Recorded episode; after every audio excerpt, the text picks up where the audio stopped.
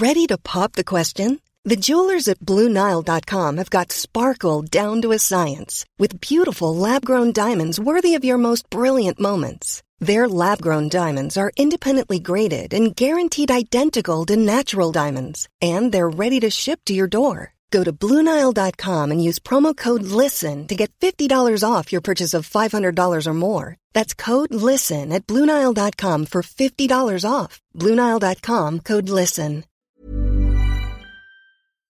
Så har det då blivit tid för gymping. Det här är det sista programmet i vår konditions- och smidighetsbefrämjande serie.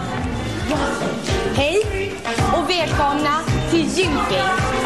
Nu när ni kan rörelserna, ta ut och jobba ordentligt. Speciellt med magen. Men vi börjar som vi brukar med att mjuksträcka ut oss. Klara? Och... Välkommen till Indiepodden avsnitt 14. Nu ska vi prata träning. Yes! Avsnitt 14. Har vi verkligen gjort så många avsnitt redan? Ja, det är så när det, det, avsnitten går fort när man har roligt. Ja. Och nu har ni, nu är ni två som har pratat med Alex Elg, Marcus Erikssons tränare. Verkligen. Nu, ska bli, nu blir det svettigt. Och ehm, de har jobbat tillsammans, eh, Alex och Marcus har jobbat tillsammans sedan 2014 va? Stämmer bra det. Eh, Så det finns ju, förutom då att Alex är grymt erfaren nu då, och har hållit på i många år med det här, så är han ju så otroligt trevlig också. Så att det blir ett långt och jättekul samtal tycker jag. Det var väldigt, väldigt eh, informationsrikt samtal och många bra lyssnarfrågor som, som vi fick möjlighet att ställa. Eller hur Jakob? Ja, det var eh, mycket kul att få de här inblickarna, att han delar med sig med, av, av så mycket. Inte bara om hur Marcus fungerar i gymmet, utan också sin egen historia. Eh, så häng med och njut. Så det är väl ingen anledning att hålla på detta utan eh, varsågoda, Alex Elg.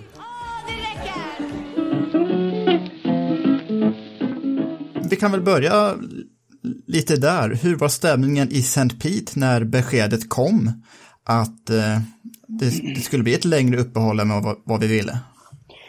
Alltså, jag tycker att det, det, det drog ut på det rätt så länge för vi, jag flög dit och sen jag flög dit på, på tisdagen. Eh, nej, jag flög dit på onsdagen förresten. Onsdagen flög jag dit. Och eh, då var ju allting frid och fröjd och, och eh, vi skulle köra liksom. Och sen på torsdagen gick vi ner till banan och då, då var det lite tveksamheter och, eh, och då sa de att ja, vi kanske får köra inför tomma läktare. Men racet ska fortfarande bli av. Och sen på fredag morgon så hörde vi att de supportklassen åkte ut och körde liksom. Och, eh, och sen helt plötsligt blev det bara tyst. Så då, så en liten stund senare fick vi höra då att eh, allt vart inställt. Så det var lite, lite tråkigt när vi ändå kom dit, men jag förstår ju liksom att det hände också. Ja. Eh, Men jag tänker, hur, hur påverkades eh, Marcus rent mentalt av att vara i den här osäkerheten? Ja, alltså. Vi sa det redan på, när vi träffades då, liksom på torsdag morgon att vad som än händer så vi går in i helgen precis som det kommer bli race. Eh, vi gjorde våran trackwalk och allting och även fast allt var väldigt osäkert och nästan ingen annan gjorde trackwalk så gjorde vi det och vi försökte förbereda oss precis som det skulle vara race. Ehm, och sen, eh, ja. Så det var så liksom. Han, han var fullt fokuserad på att racea ända in till, i sista sekund liksom. Hur, eh, hur kom, när kom du tillbaka till Sverige då? Jag flög tillbaka hem på måndagen så jag stannade där över hela helgen. Mest för att få, få reda på lite mer vad som skulle hända för att jag tänkte om St. Pete blir inställt eh, och då visste man ju inte riktigt hur det skulle bli med alla andra race i första början. Vi hörde i och för sig att eh, de ville ställa in eh, Austin och Long Beach men de visste inte vad de skulle göra med Barber. Så då istället för att flyga hem direkt på fredagen så sa jag jag stannar i USA för om det är race igen om två veckor så kan inte jag flyga hem nu för då kan jag inte komma tillbaka till USA. Eh, Men sen så var det klart att det också varit inställt så då flög jag hem på måndag och landade på tisdagen. Ja, okej. Eh, Och på tal om världen som arbetsplats, eh, när du inte är ute och reser så är Crossfit-gymmet i Karlskoga, inte sant? Mm, Din ja, arbetsplats, hur ser dina dagar ut nu? Eh, nu är det ju ganska så, jag tänkte säga lugnt, men eh, vi har ju en liten annan approach i Sverige verkar som, som resten av länderna som man är. Så vi har fortfarande öppet och vi försöker ändå så, men vi vill lyssna på allt som händer och, och tar renligheten ganska allvarligt och försöker inte vara för mycket personer på samma, ett och samma ställe och sådär. Men än så länge så är vi igång och eh, vi kör klasser och träning som vanligt där. Så jag har varit rätt så mycket där de sista dagarna och jobbat. Annars är det här ju en tid då, då väldigt många, kanske alla, tar fasta på en massa digitala lösningar för att slippa träffa varandra live. Och Exakt. visst är det så att eh, du själv håller på att utveckla ett eget koncept för online-träning? Ja, precis. Eh, jag håller på... berätta det, lite det om det? Ja, det är någonting som egentligen som har legat eh, och grott en liten längre stund. Att nu har jag, jag menar, jag har ju varit ute på så mycket race med, inom bilsport själv sedan 2014. Mm. Och innan det så raceade jag själv motocross och sånt professionellt. Mm. Och innan det så var jag med min pappa ute på banorna liksom runt om i världen. Uh, och uh, jag tycker det är jättekul med, med just den träningen och uh, jag skulle vilja försöka hjälpa lite mer folk och kanske lite yngre folk Mm. Och då så har jag liksom börjat tänkt lite på att köra lite online-coachning. Men även kanske ha lite träningsläger och sånt där. Och det är nu sa jag bara yngre folk, egentligen alla, men eh, det kommer mycket med online-coachning och sånt nu och det finns det. mycket bra saker som man kan göra och, och göra egna videos som man kan skicka ut och man kan se sina klienter liksom online egentligen via, via videochatt och sånt och, och coacha och sånt. Och det här, det här kan jag tänka mig redan är en del av, av ditt upplägg som du har med förare, eller? Att du coachar dem på distans? Ja, precis. Alltså, eh, Marcus och jag har ju varit tillsammans så himla länge, så han har sina grejer som, eh, som han brukar köra och, och så kan jag skicka då liksom eh, träningspass till honom och då vet mm. han normalt oftast vad det betyder, det jag skriver ner. Eh, det som är om man har en helt ny person, då kanske man måste lägga in mer videos och sånt där för att kunna förklara det lite bättre. Men Marcus har rätt så god förståelse på vad, liksom, vad, vad jag vill att han ska göra och sånt där. Mm. Ehm, men eh, absolut. Och eh, sen så kan det hända ibland kanske att Marcus åker till något annat gym eller någonting och ska träna och då brukar jag säga till honom, ja men skicka en bild på hur gymmet ser ut och vad som finns där inne så kan jag liksom komma på något nå, nå bra pass liksom och sånt också. Och då är det ju rätt så smidigt att kunna ha en, en plattform eller en app eller någonting som man kan eh, lätt lägga in videos och, och, förklaringar och sånt där och bara skicka över. Förstår. Mm. Um, så tiderna vi är inne i nu, det förändrar ju väldigt mycket och det är ju väldigt oklart när Indycar-säsongen eh, mm. drar vidare. Men låt oss backa bandet lite. Du sa ju att du har kört motocross mycket. Mm. Eh, du var en berömd pappa. Eh, så eh, motorsportintresse, har det alltid varit med dig? Eh, nej, inte alltid. Inte när jag var yngre. Alltså, jag vet inte varför, men som sagt, jag var på mycket racingbanor när jag var väldigt liten. Och kanske varit det för mycket för då jag tappade liksom intresse. Jag, och när jag väl var på banan så tittade jag inte på racingen egentligen. Utan mm. jag när jag var yngre var väldigt, eh, höll på mycket med extremsporter och sånt där. Och mycket skateboard och snowboard och lite sådana grejer. Så eh, jag kommer ihåg att jag hade med min skateboard och åkte lite bak, på baksidan i depån liksom och sådär. Och var inte så intresserad av själva racingen. Mm. Eh, det kom senare kanske när jag var 13, 14 år. Jag 13 12-13 år, då började jag, då tyckte jag det var lite kul att köra motorcykel och sånt där och börja, börja träna lite med det. Mm. Så det var lite via extremsport och sånt som du kom in på, just motocross och sådär, eller? Ja, jag tror det. Ja. Ehm, som sagt, eh, jag, jag har egentligen alltid haft en motorcykel stående i garaget. Eh, mm. Pappa hade med någon liten motorcykel från Japan vet jag och sådär och sen så hade min min brorsa en motocross som också bara stod där som han inte använde. Och så en dag så bestämde jag för att testa och så tyckte jag det var jättekul och eh, nästan från nästan från direkt så var det rätt så seriöst och jag började träna hårt och liksom eh, mm. vi åkte till banan hela tiden och, och eh, ja, den vägen är det. banan, vilken bana menar du då? Är, är du uppvuxen i Eh, Karlskoga eller? Jag är uppvuxen i Karlskoga så jag började träna och sånt och är 12-13 års ålder på Karlskoga motocrossbana. Och eh, började tävla året efter egentligen, efter jag startade. Och eh, på den tiden fanns det jättemycket tävlingar så man kunde nästan tävla varje helg i Sverige eh, under, ja, under rätt så många månader. Eh, och sen så när jag blev lite äldre, när jag blev, kom upp till gymnasiet så vart jag antagen till ett sånt riksidrottsgymnasium i Tibro. Mm. Som motocross-gymnasium då. Um, så jag började där. Och sen eh, precis när jag tog studenten då, då, då kom jag med i någonting som kallades för juniorlandslaget och började köra EM och sånt där för Sverige och sånt. Så från egentligen att jag tog studenten så har jag inte gjort något annat än kört motocross. Till jag Okej. blev 30 år. Så då har jag kört över hela världen egentligen. Och allt från SM och EM och några VM-deltävlingar och sånt. Sen, nu har du jobbat med Marcus Eriksson i ett antal år. När började du satsa på jobbet som personlig tränare och hur hamnar du sen på den här nivån att du hamnar i Formel 1-depån? Ja, det är ju alltså det är en... eh, Ja, jag var väl på rätt, rätt ställe på rätt tid kan man säga. Jag, när jag slutade racea motocross så ehm, det var 2009. Och då genom en kompis som hade vissa kontakter um, sa till mig att åka till Belgien för att göra en sån audition för en stor, stor cirkusshow som heter Dragon. En, ungefär som en Cirque du Soleil show. Jaha, som hade bestämt sig för att ha freestyle motocross med i Ja. deras show. Så jag åkte dit på en audition och lyckades få jobbet. Och eh, 2010 så flyttade jag till Macau och jobbade i den här showen då. Så vi körde ja, tio shower i veckan egentligen, eh, freestyle motocross. Och eh, jag var där i fyra år och körde den här showen.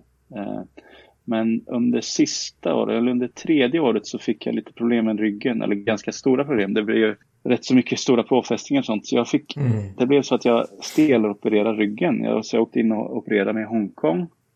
Och då blev jag ju sjukskriven en ganska lång stund. Och under den tiden så började jag plugga till att bli personlig tränare. Så jag tog min, min utbildning där i Hongkong. Och sen så var jag hemma på semester faktiskt när jag träffade Marcus. Bara, eh, jag hämtade han och pappa på flygplatsen på Arlanda. Kom och hämtade han. Och då hade de varit, och jag, kan inte, jag vet inte om de hade skrivit kontrakt eller om de hade varit i, i samtal då med, med, för säsongen 2014 med F1 då. Och då sa Marcus, eh, jag hade träffat Marcus kanske två gånger innan det, så jag visste vem han var, jag hade lite koll liksom. Men då satt vi i bilen på väg hem och då sa han, ah, Alex, eh, nu om det blir så att jag kommer till Formel 1, då behöver jag verkligen en, en tränare. Kan du hjälpa mig med det, sa han. Häftigt. Ja, så det var, jag hamnade liksom högst upp direkt liksom utan att... Visst, jag hjälpte ju lite folk när jag bodde i Macao och sånt, men inte på den nivån. Och jag har alltid varit eh, liksom, jag har alltid tyckt träningen varit kul och liksom testa mycket själv och jag hade egen tränare när jag körde motocross och sånt. Så det har alltid varit en stor del liksom. Men att komma in direkt i Formel 1 var ju rätt så, rätt så stort. Just det. Men det blir ju en ganska speciell relation va, mellan tränare och förare. Jag tänker, Ja. Och det verkar ha funkat bra i och med att ni har hängt ihop så många år. Men det, var, det var väl lite en chansning av Marcus kan man tänka sig om ni inte kände varandra särskilt väl. Ja, men det, det tror jag. Det tror jag absolut. Ehm, det var det nog. Eh, och speciellt jag och Marcus, vi var nog en av de det tajtare teamet skulle jag säga i Formel 1. För ehm, under de åren Marcus körde Formel 1 så hade inte han någon eh, det teamen han körde för hade ju inga simula- simulatorer och sånt.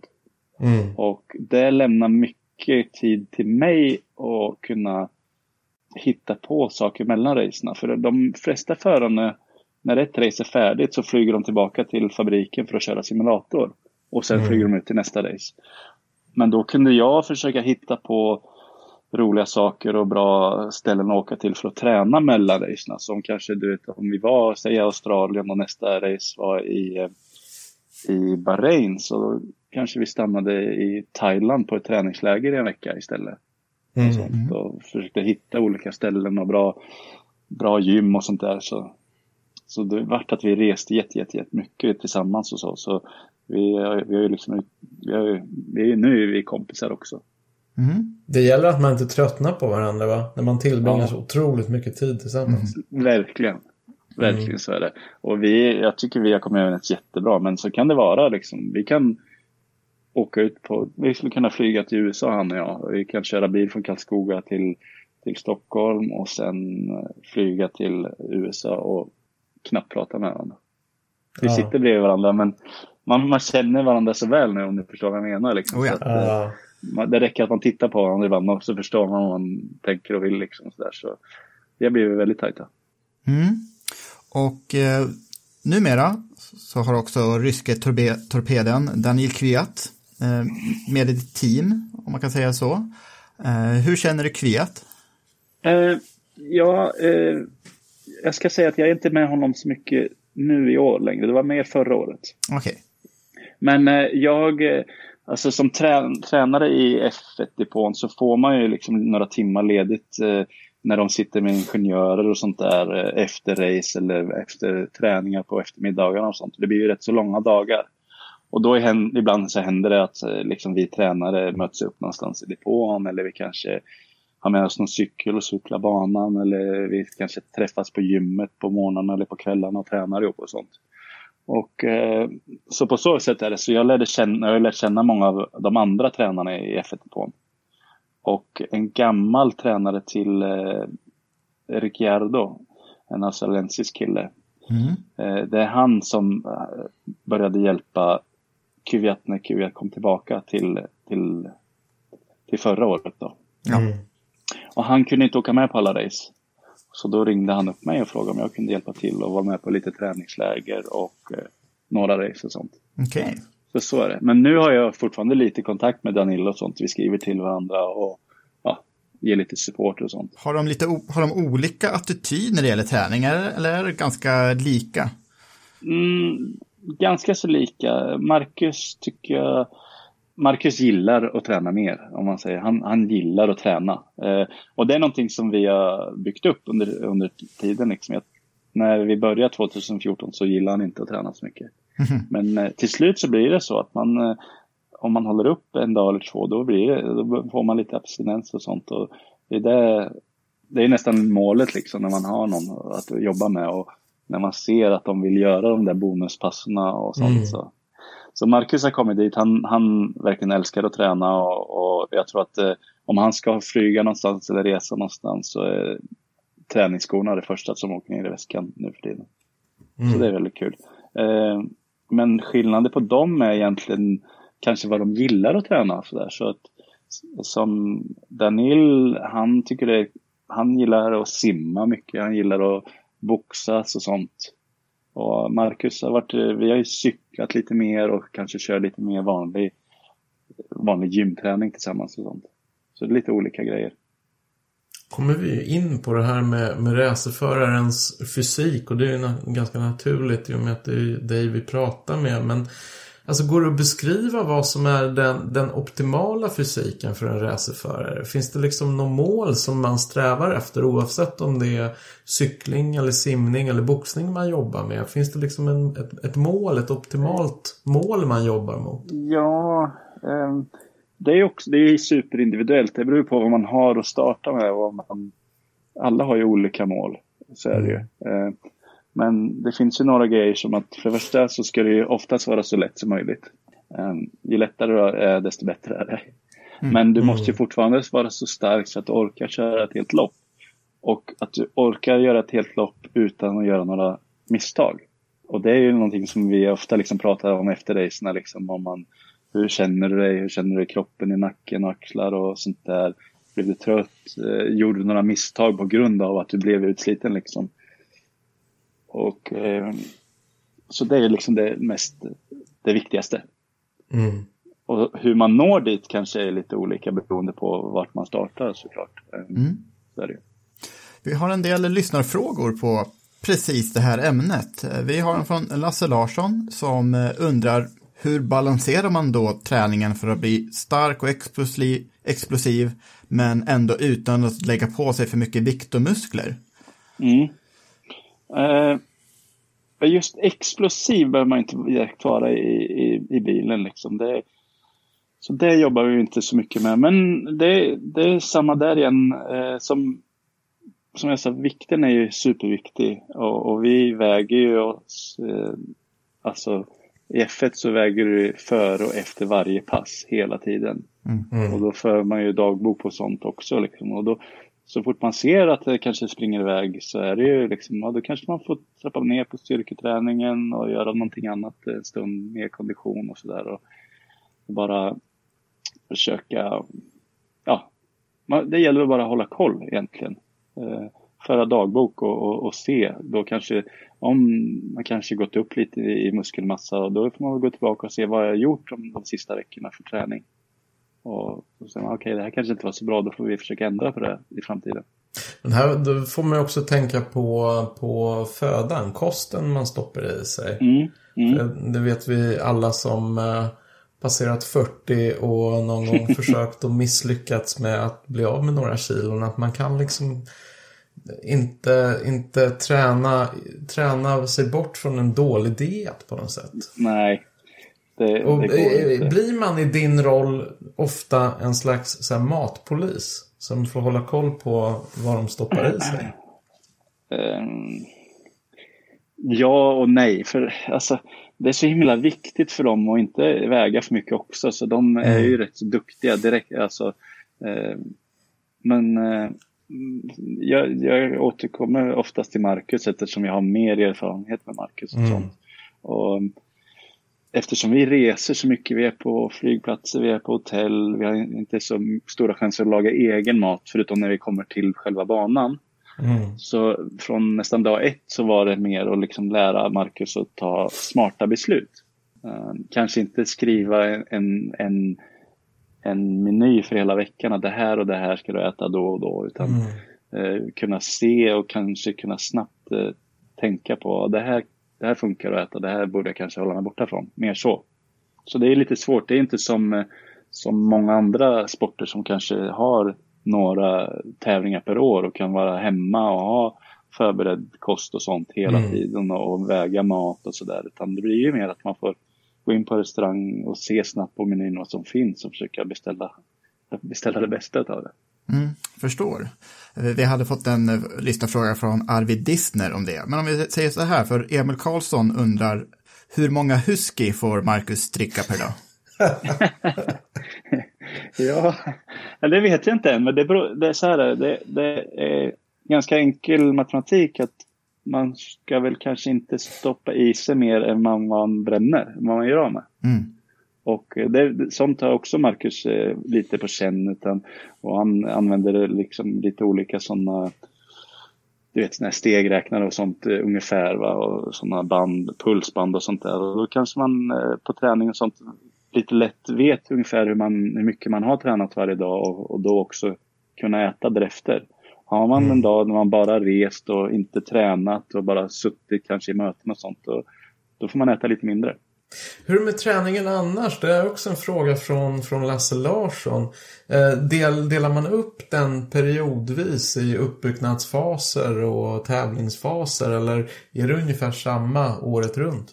Nej, vi, vi delar upp den också. Så vi brukar alltid ha en längre, nu säger jag längre, men någon veckas eh, uppbyggnadsperiod eh, till, på våren. Och nästan lite en sån eh, kick-off liksom på att säsongen ska starta och vi eh, då brukar vi åka iväg någonstans, jag och Marcus, och då tränar vi rätt så hårt och bra kost och allting sånt där. Så då är den verkligen den liksom, då startar vi upp och försöker bygga upp så mycket vi Mm. bara kan. Sen så när eh, säsongen är igång, då är det ju mer att bibehålla och liksom känna sig fräsch. Från, för det blir så mycket resor och sånt där, så då är liksom kost och sömn kanske det viktigaste av allt. Liksom. Men eh, försöka klämma in lite pass då. När Marcus inte reser under, under raceperioden när han är hemma så tränar han i alla fall en gång om dagen. Så upp mot kanske två timmar om dagen då. Mm. Eh, så, då, så, så är det. Och sen så, som i Formel 1 när, vi har, när de har den eh, sommar... Eh, har ju ett litet sommarlov där på tre veckor. Och då brukar, då brukade Marcus ta några dagar ledigt först och sen så kör vi en, en till sån träningsläge för att liksom rampa upp inför sista, sista racerna på, på höstsäsongen. Då. Och sen så när eh, sista racet är gjort för året så brukar Marcus också ta kanske en, någon vecka, kanske en eller två veckor ledigt. Och sen så, så tränar han igen, men då kanske inte lika ofta, kanske kör fyra pass i veckan eller någonting sådär bara för att, bibehålla lite och inte vara på helt noll när vi startar igen. Så. Mm, förstås. Så det finns, eh, det finns säsonger mm. där också, liksom hur man tränar och sånt. Okej. Okay. Um, ehm, och sen när vi pratar om olika racingklasser så mm. har vi en fråga från Tommy Dahlman som undrar, är det olika träningsupplägg beroende på Indycar eller Formel 1 och fick ni lägga om träningen för Marcus inför förra årets säsong då? Eh, ja, det är lite olika och det, igen så det här med vikten, så vikten är inte lika viktig i Indycar för det, det alla har ju en, man kan vara lite tyngre där. Mm. Och då blir det kanske lite mer, vi har kört lite mer styrketräning med Marcus för att han ska kunna bygga på lite mer axlar och, och sånt. För de jobbar ju så mycket mer med bilen där, när det inte är någon sån servostyrning. Mm. Eh, och eh, det är inte kanske lika hög eh, påfrestning på nacke och sånt som i Formel 1. Så Formel 1 var det mycket mer nackträning och sånt. Annars är okay, kondition Annars hade jag trott att det var lite tvärtom med, med mm. G-krafterna på ovalbanor, men det är inte så alltså? Ja, ah, men på, det, det, är ju G-krafter på ovalbanorna, men på ovalbanorna så har de ju också en liten extra kudde på, på, utanför hjälmen så att de kan nästan luta sig mot lite. För, att, för det är i stort sett omöjligt att hålla uppe nacken i mer än ett varv där. Liksom. Mm.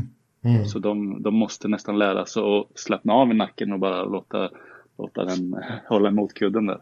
Um, vi har också lite undran uh, riktat oss om, om Marcus igen då. I början mm. av hans Formel 1-karriär, då var det ju uh, några år det var särskilt stora behov liksom, för förarna att de ska väga så li lite som, som mycket. Uh, och mm. han var ju väldigt smal, men såg mm. du någon, någon gång att förarna, inte bara Marcus, Daniel också, att de led av hur det här behovet, alltså kravet på dem att vara så smala, så lätta som möjligt.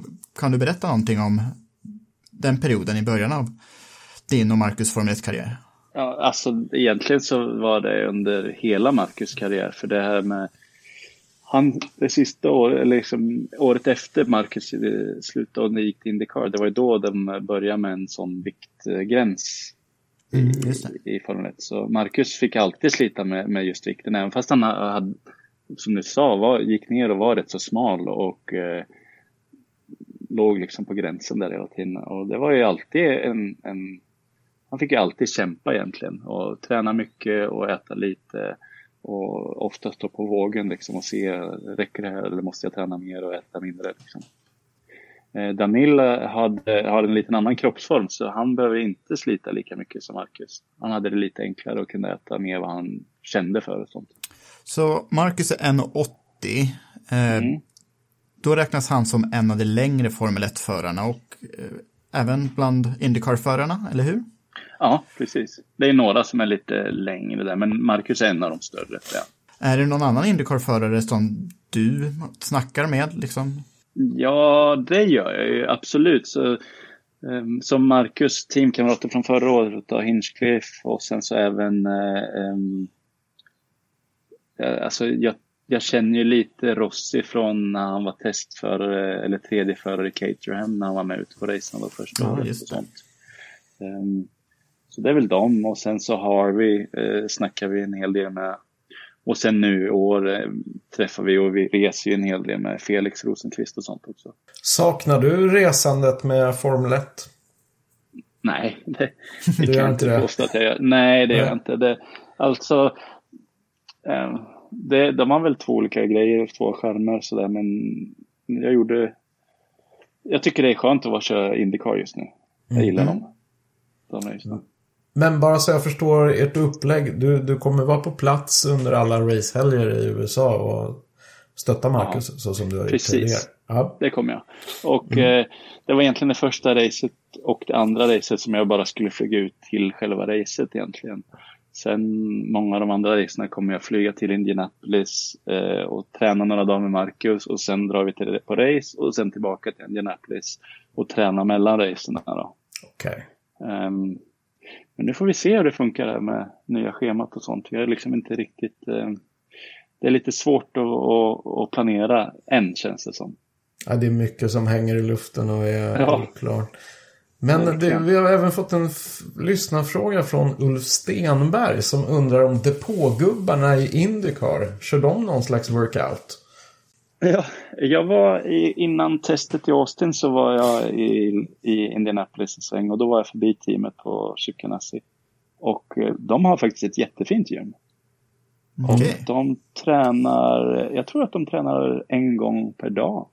Alla, alla, alltså själva pitchcrewet och, och alla mekaniker och sånt. Och de har en, en personlig tränare på, på teamet.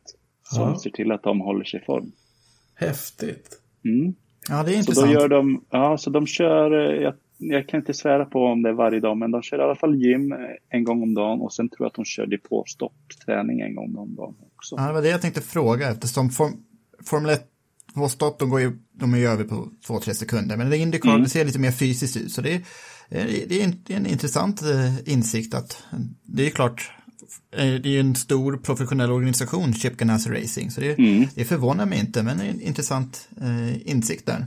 Nej, men de tränar rätt så mycket och, och, och sen så är det ju som i F1 som du säger, det går ju väldigt fort ett depåstopp. Men i Indycar så tar det dels lite längre tid, så där finns det kanske lite mer tid att hämta. Men sen så är det så många depåstopp också. I ett F1-race är det oftast ett depåstopp. Eh, Men här kan det vara fyra, fem depåstopp och då blir det rätt så mycket tid om man kan göra det effektivare och snabbare. Så det är väldigt, väldigt viktigt och de tränar superhårt på det. Det får mig också tänka på, på en annan så viktig aspekt av hälsa, nämligen sömnen. Mm. Och ja, reser man mycket så vet man hur sömnen brukar påverkas av det. Så det har jag alltid undrat. Alltså om man reser på det sättet som Formel 1-personal och Formel 1-förare gör. Hur, Mm. hur lätt eller hur svårt är det egentligen att, att eh, ha en hälsosam relation till sin sömn? Det är rätt så svårt. Eh, som du säger, och, och sömn är ju liksom, det ligger verkligen i, i det är populärt just nu om man säger så, att man Ja. har förstått hur viktigt det är med sömn. Och hur Mm. mycket det verkligen påverkar kroppen. Så ibland blir det ju så liksom att eh, nej, jag har inte sovit så bra och då kanske det är bättre att inte gå till gymmet den dagen. Liksom. Att det, då är det Just bättre det. att sova och stanna hemma för att liksom känna sig bättre. Marcus har alltid haft ganska så lätt att ställa om eh, tidszoner och sånt där och han, jag tror att han har rätt så tur med det. Eh, Men visst sliter det på kroppen, det gör det absolut. Man det gör det. Man, man lite- märker ju själv omedelbart när man har sovit dåligt en Ja, natt och absolut. tränar. Så man, man är ju svagare liksom. Ja, jo men det är man verkligen. Så det, det är någonting som jag tror att man ska lägga mer vikt på och, och försöka känna att har jag inte sovit ordentligt så då är det bättre att hoppa över träningen den dagen och försöka sova mer och äta och sen så ladda för nästa dag. Mm. Och det är lite sånt som jag och Marcus också får prata om och försöka känna av liksom hur mår du och sånt och, och sen så får man göra om träningen efter- utöver det. Det är sånt som, som eftersom han reser så himla mycket så det är, det är många det. dagar som man får eh, ställa om träningen lite. En eh, annan sak som eh, jag har tänkt på lite inför det här samtalet är att det finns ju en del förare genom motorsporthistorien som har varit berömda som liksom playboys, James Hunt till exempel, och sen så finns det andra som Stefan Johansson som vi pratade med för några veckor sedan och han sa att han inte rörde en droppe alkohol under 20 år i sin aktiva karriär.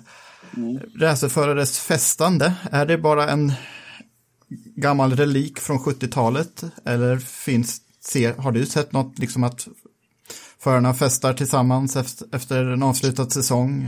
Hur ser du på att eh, Ja, dricka alltså- alkohol mellan loppen?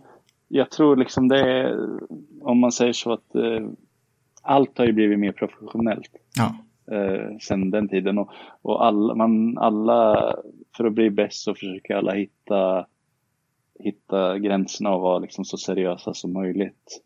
Så det är inte så mycket festande och sånt där. Men jag tror även i alla fall att, att det kan vara viktigt ibland som förare att kanske träffas utanför banan och, och snacka och kanske ta någonting att dricka och sådär. Men det,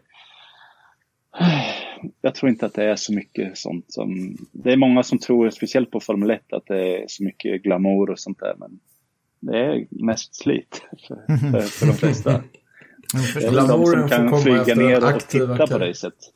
Mm. Som, det är mer sånt. Ja. Glamouren får man spara till efter den aktiva karriären kanske. Ja, eller hur? Mm. Det är väl bättre. Ja. Nej, men så är det absolut. Eh, varför inte det? En, en sån karriär på, på, är oftast inte superlång. Liksom. Så varför Visst. inte göra det bästa av det under den tiden och sen så kan man njuta efteråt sen. Mm. Visst. Men du, vi tappade bort lite grann den tråden som vi pratade om till en början om din, eh, din egen online-satsning. Är det någonting som du räknar med kommer bli publik inom en snar framtid? Eller någonting folk kan börja haka på relativt snart? Eller hur ja, nej men det, jag skulle vilja komma igång med det rätt så tidigt, eller rätt så tidigt, rätt så snart. Eh, det är lite små grejer men alltså jag, jag, jag skulle kunna, jag ser fram emot att hjälpa mer folk. Eh, jag vet också där att jag kanske inte kommer hålla på med Marcus i hela, resten av livet. Så, mm. Men jag, vill, jag tror att eh, just, eh, just träning och sånt, träning och hälsa är någonting som jag alltid kommer göra. Så jag ska försöka komma igång med det nästan, nästan omedelbart nu och, och, mm. och starta upp i lite mindre, mindre kanske med några färre eh, klienter och sen så bygga uppåt jag har redan hört, hört lite från olika folk som är lite intresserade och sådär. Så, um, det är dags att börja nu. Men är det, är det motorsportfolk då också eller är det bredare eh, cirklar? Allting egentligen. Absolut allting. Ja. Men, men jag känner ju att jag har så mycket kunskap om just racing. Dels att jag ja. raceat själv på en viss nivå och sen att jag varit på högsta nivå i bilsporten också. Mm. Och eh, det kanske inte bara är som sagt just träningen utan jag vet eh, vad som krävs runt om också. Just det. Och sett vad, vad liksom alla de här killarna gör. Som jag tror att jag kan hjälpa i mycket motorsport. Men om folk vill bli kommer till mig med olika och andra mål så skulle jag tycka det var en jättekul grej att försöka hjälpa dem också. Mm. Kul, det ser vi fram emot att höra mer om. Mm, ja, absolut. Det är någonting som ska bli kul att pyssla lite med. Ja, Gergej, har vi några mer frågor till Alex? Alltså, jag tror jag vi har fått med allting. Jag tror ja. vi har fått med alla fort, våra funderingar och jag tror vi har fått med alla våra lyssnarfrågor. Och ja, vi har stulit nästan 40 minuter av din tid Alex. Så... Ja, ja. Egentligen är Indiepodden tre personer stark. Eh, Ronny är inte med just idag, men vi, vi ska sätta honom på ett ett ordentligt bootcamp där han får passa på och uh, träna som uh, Marcus och Daniel och de andra professionella racerförarna. Ja, men Kanske... det tycker jag. Det är kul så... att uh, skicka över några pass till er som ni kan uh, känna lite på. Ja. ja, men gör det. Det vore jättekul att testa. Mm, och jag behöver också komma i form, för att vara helt ärlig. vi kanske delar lite av våra egna äventyr på vår Instagram och andra sociala medier. Men ja, yes. Tack så mycket Alex Elg för att du var med i Indiepodden och gav oss en, en hel del intressanta insikter hur racerförarna tränar. Tack! Tack själva, det var jättekul att vara med. När ni lyssnar på det här, blir ni taggade på att träna mera? Ronny, jag vet att du har varit jobb som personlig tränare och säkert i betydligt bättre form än, än vad jag är. Men eh, vad säger ni? Ja, det, är pres det är preskriberat nu att jag har personlig, jobbat som personlig tränare. Men eh, jo, jag är grymt eh, pepp faktiskt. Jag är framförallt eh, sugen på att träna som en motocrossförare faktiskt. För jag tror att de har, eh, de har ju en grym fysik verkligen. Så att jag tror man kanske ska få plocka upp den där eh, eh tanken om att kanske ha Alex som online-coach. Det tycker jag fler ska passa på att göra. Mm. Det är lite frestande alltså. Jag, jag, jag fick nog ryck i, precis vid årsskiftet som så många andra och fick lite regelbundenhet i min gymträning. Men eh, det rann eh, ganska snabbt ut i eh, sanden efter, efter när Corona, när Corona började bli en grej. Jag är inte helt bekväm med att hänga på gym sen dess. Men jag, jag har lite prylar hemma som jag Försöker använda en roddmaskin till exempel som jag tycker väldigt mycket om. Så, men jo, självklart blir man pepp att träna mer när man, när man har samtalet med Alex. Jag blir också för egen del lite så pepp på att sova bättre. Tycker det var kul att han tryckte på vikten av att sova. Och det är nästan så att du, har du inte ätit tillräckligt bra och sovit tillräckligt bra så är det nästan lika bra att strunta i träningen och fokusera på de bitarna. Och det, det får man inte höra så ofta men det blir mer och mer vanligt vedertaget ändå. Det är ju, det är ju kul det men det är väldigt skönt att höra en sån som Alex säger det så jag tog faktiskt med mig det också. Så nu vilar jag hela tiden. Jag sover ingenting och så bara vilar jag hela dagarna. Nej, nu, käkar jag en ham- nu käkar jag en hamburgare här, det var inte bra. Nej, jag får skita i att träna. Nej, jag får vila mig i form alltså. Kan försöka, men nu, det, det är ju vår, det borde vara racingsäsong, klart man blir lite rastlös, men uh, ifall man har lyxen att inte bo mitt i stan, som jag gör, jag bor i utkanten av Uppsala, så kan jag ta cykeln och cykla ut på landet, försöka komma upp de här 70 kilometrarna som Marcus Eriksson gör per, per dag. Uh, men jag hoppas att våra lyssnare inspirerar, blev inspirerade av detta. Uh, vi har mer Indiepodden kommande nästa vecka efter påsk, så uh, hoppas ni är med oss då också. Tack för Tack den här vår- gången. Ja, och tack till vår sponsor Automotor och Sport också. Mm, får vi inte glömma. Tack! Och sista fram och ner med hälen. Låt det dra. Fem, sex, sju och byt. Ner med hälen. Låt det dra. Fem, sex, Planning for your next trip? Elevate your travel style with Quince. Quince has all the jet setting essentials you'll want for your next getaway, like European linen, premium luggage options, buttery soft Italian leather bags, and so much more. And it's all priced at 50 to 80% less than similar brands. Plus, Quince only works with factories that use safe and ethical manufacturing practices. Pack your bags with high-quality essentials you'll be wearing for vacations to come with Quince. Go to quince.com slash trip for free shipping and 365-day returns.